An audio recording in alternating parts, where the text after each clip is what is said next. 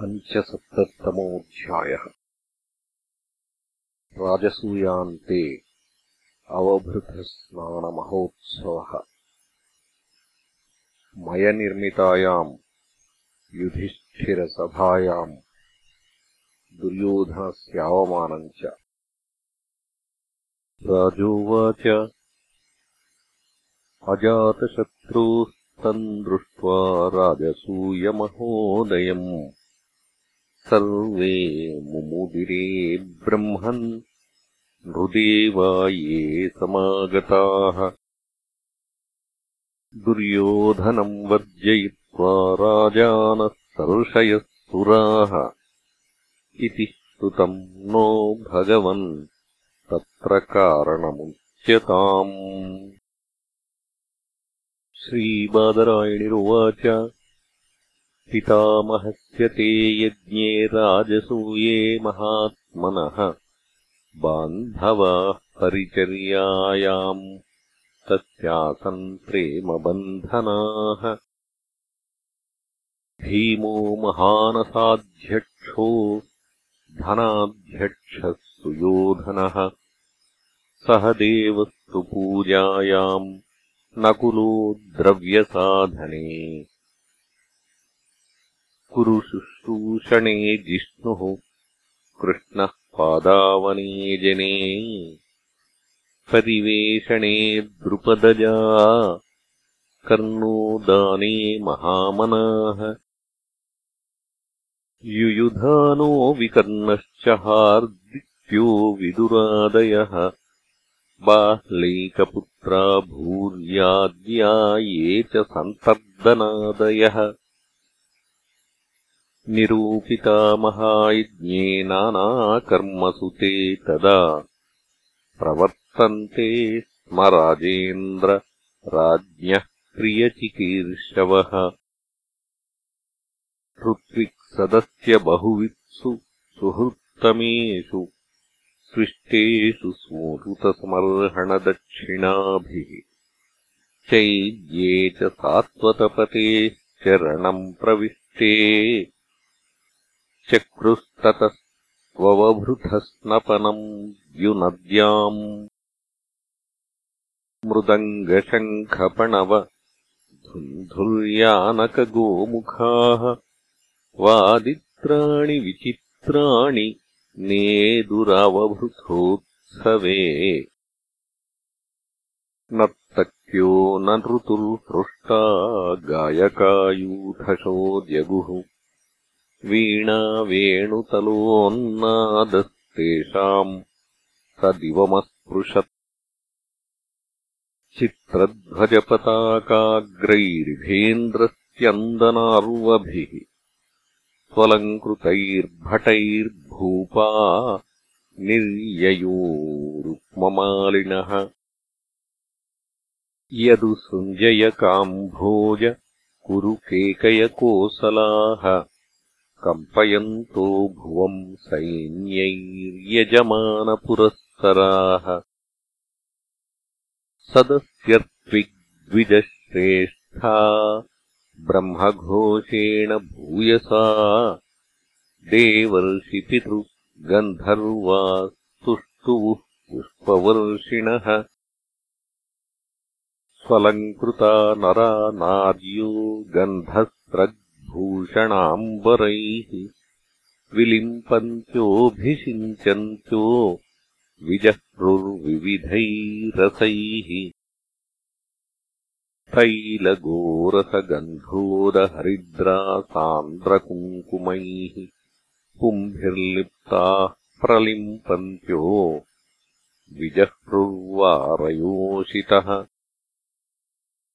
गुप्तानृभिर्निरगमन्नुपलब्धुमेतद्देव्यो यथा दिवि विमानवरैर्नृदेव्यः ता मातुलेयसखिभिः परिषिच्यमानाः सव्रीडः स विकसद्वदना विरेजुः ता देवरानुतसखीन्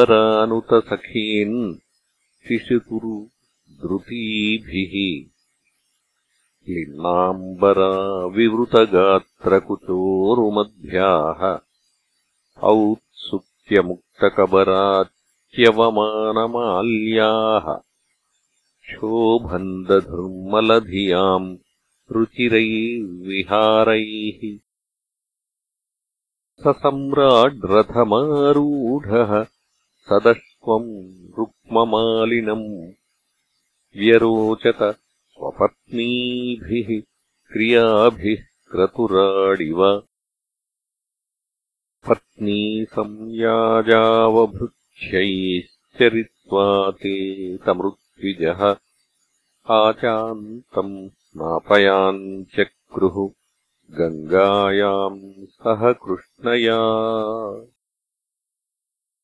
देवदुन्दुभयो नेदुः नरदुन्दुभिः समम् मुमुचुः पुष्पवर्षाणि देवर्षिपितृमानवाः। सस्नुस्तत्र ततः सर्वे वर्णाश्रमयुता नराः महापातक्यपि यतः सद्यो मुच्येत किल्बिषात्। अथ राजाहते क्षौमे परिधाय स्वलङ्कृतः ऋत्विक्सदस्य विप्रादीन् आनर्चाभरणाम्बरैः बन्धुज्ञातिनृपान् मित्रसुहृदोऽन्यांश्च सर्वशः अभीक्ष्णम् पूजयामास नारायणपरो नृपः। सर्वे जनाः सुररुचो मणिकुण्डलस्रक् उष्णीषकञ्चुकदुकूलमहार्घ्यहाराः नार्यश्च कुण्डलयुगालकवृन्दजुष्टवक्त्रश्रियः कनकमेखलया विरेजुः अथर्त्विजो महाशीलाः सदस्या ब्रह्मवादिनः ब्रह्मक्षत्रियविशूद्रा राजानो ये समागताः देवर्षि पितृभूतानि लोकपालाः सहानुगाः पूजितास्तमनुज्ञाप्य स्वधामानि ययुर्नृप। हरिदासस्य राजर्षे राजसूयमहोदयम् नैवातृप्यन् प्रशंसन्तः पिबन्मत्योऽमृतम् यथा ततो युधिष्ठिरो राजा सुहृत्सम्बन्धिबान्धवान् प्रेम्णा निवासयामास कृष्णम् च त्यागकातरः। भगवानपि तत्प्रियङ्करः। प्रस्थाप्य यदुवीरांश्च साम्बारींश्च कुशस्थलीम् इत्थम् राजा धर्मसुतो मनोरथमहार्णवम् सुदुस्तरम् समुत्तीर्य कृष्णेनासीद्गतज्वरः। एकदान्तःपुरे तस्य वीक्ष्य दुर्योधनः श्रियम् अतप्यद्राजसो यस्य महित्वम् चात्युतात्मनः यस्मिन्नरेन्द्रदिचिजेन्द्रसुरेन्द्रलक्ष्मीः नानाविभान्ति किल विश्वसृजोपक्लुप्ताः। ताभिः पतीन् द्रुपदराजसुतोपतस्थे।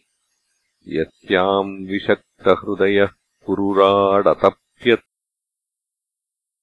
यस्मिंस्तदा मधुपतेर्महिषीसहस्रम् श्रोणीभरेण शनकैः क्वणदङ्घ्रिशोभम्।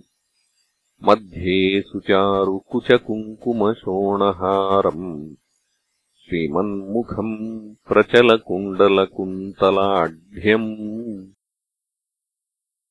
सभायाम् मयक्लुप्तायाम् क्वापि धर्मसुतोऽधिराट्।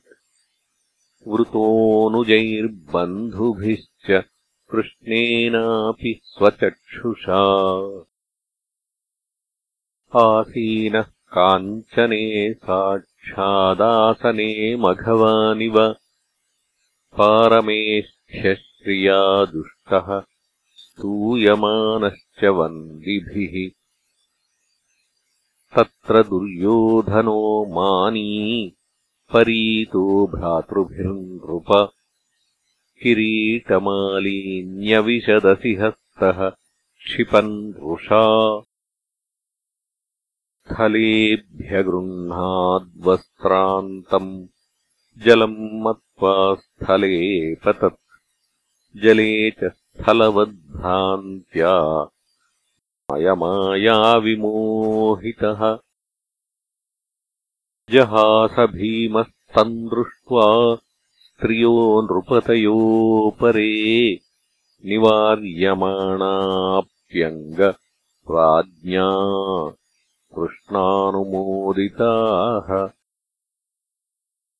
सव्रीडितो वाग्वदनोरुषाज्ज्वलन् निष्क्रम्य तूष्णीम् प्रययौ गजाह्वयम् हा हेति शब्दः सुमहानभूत्सताम्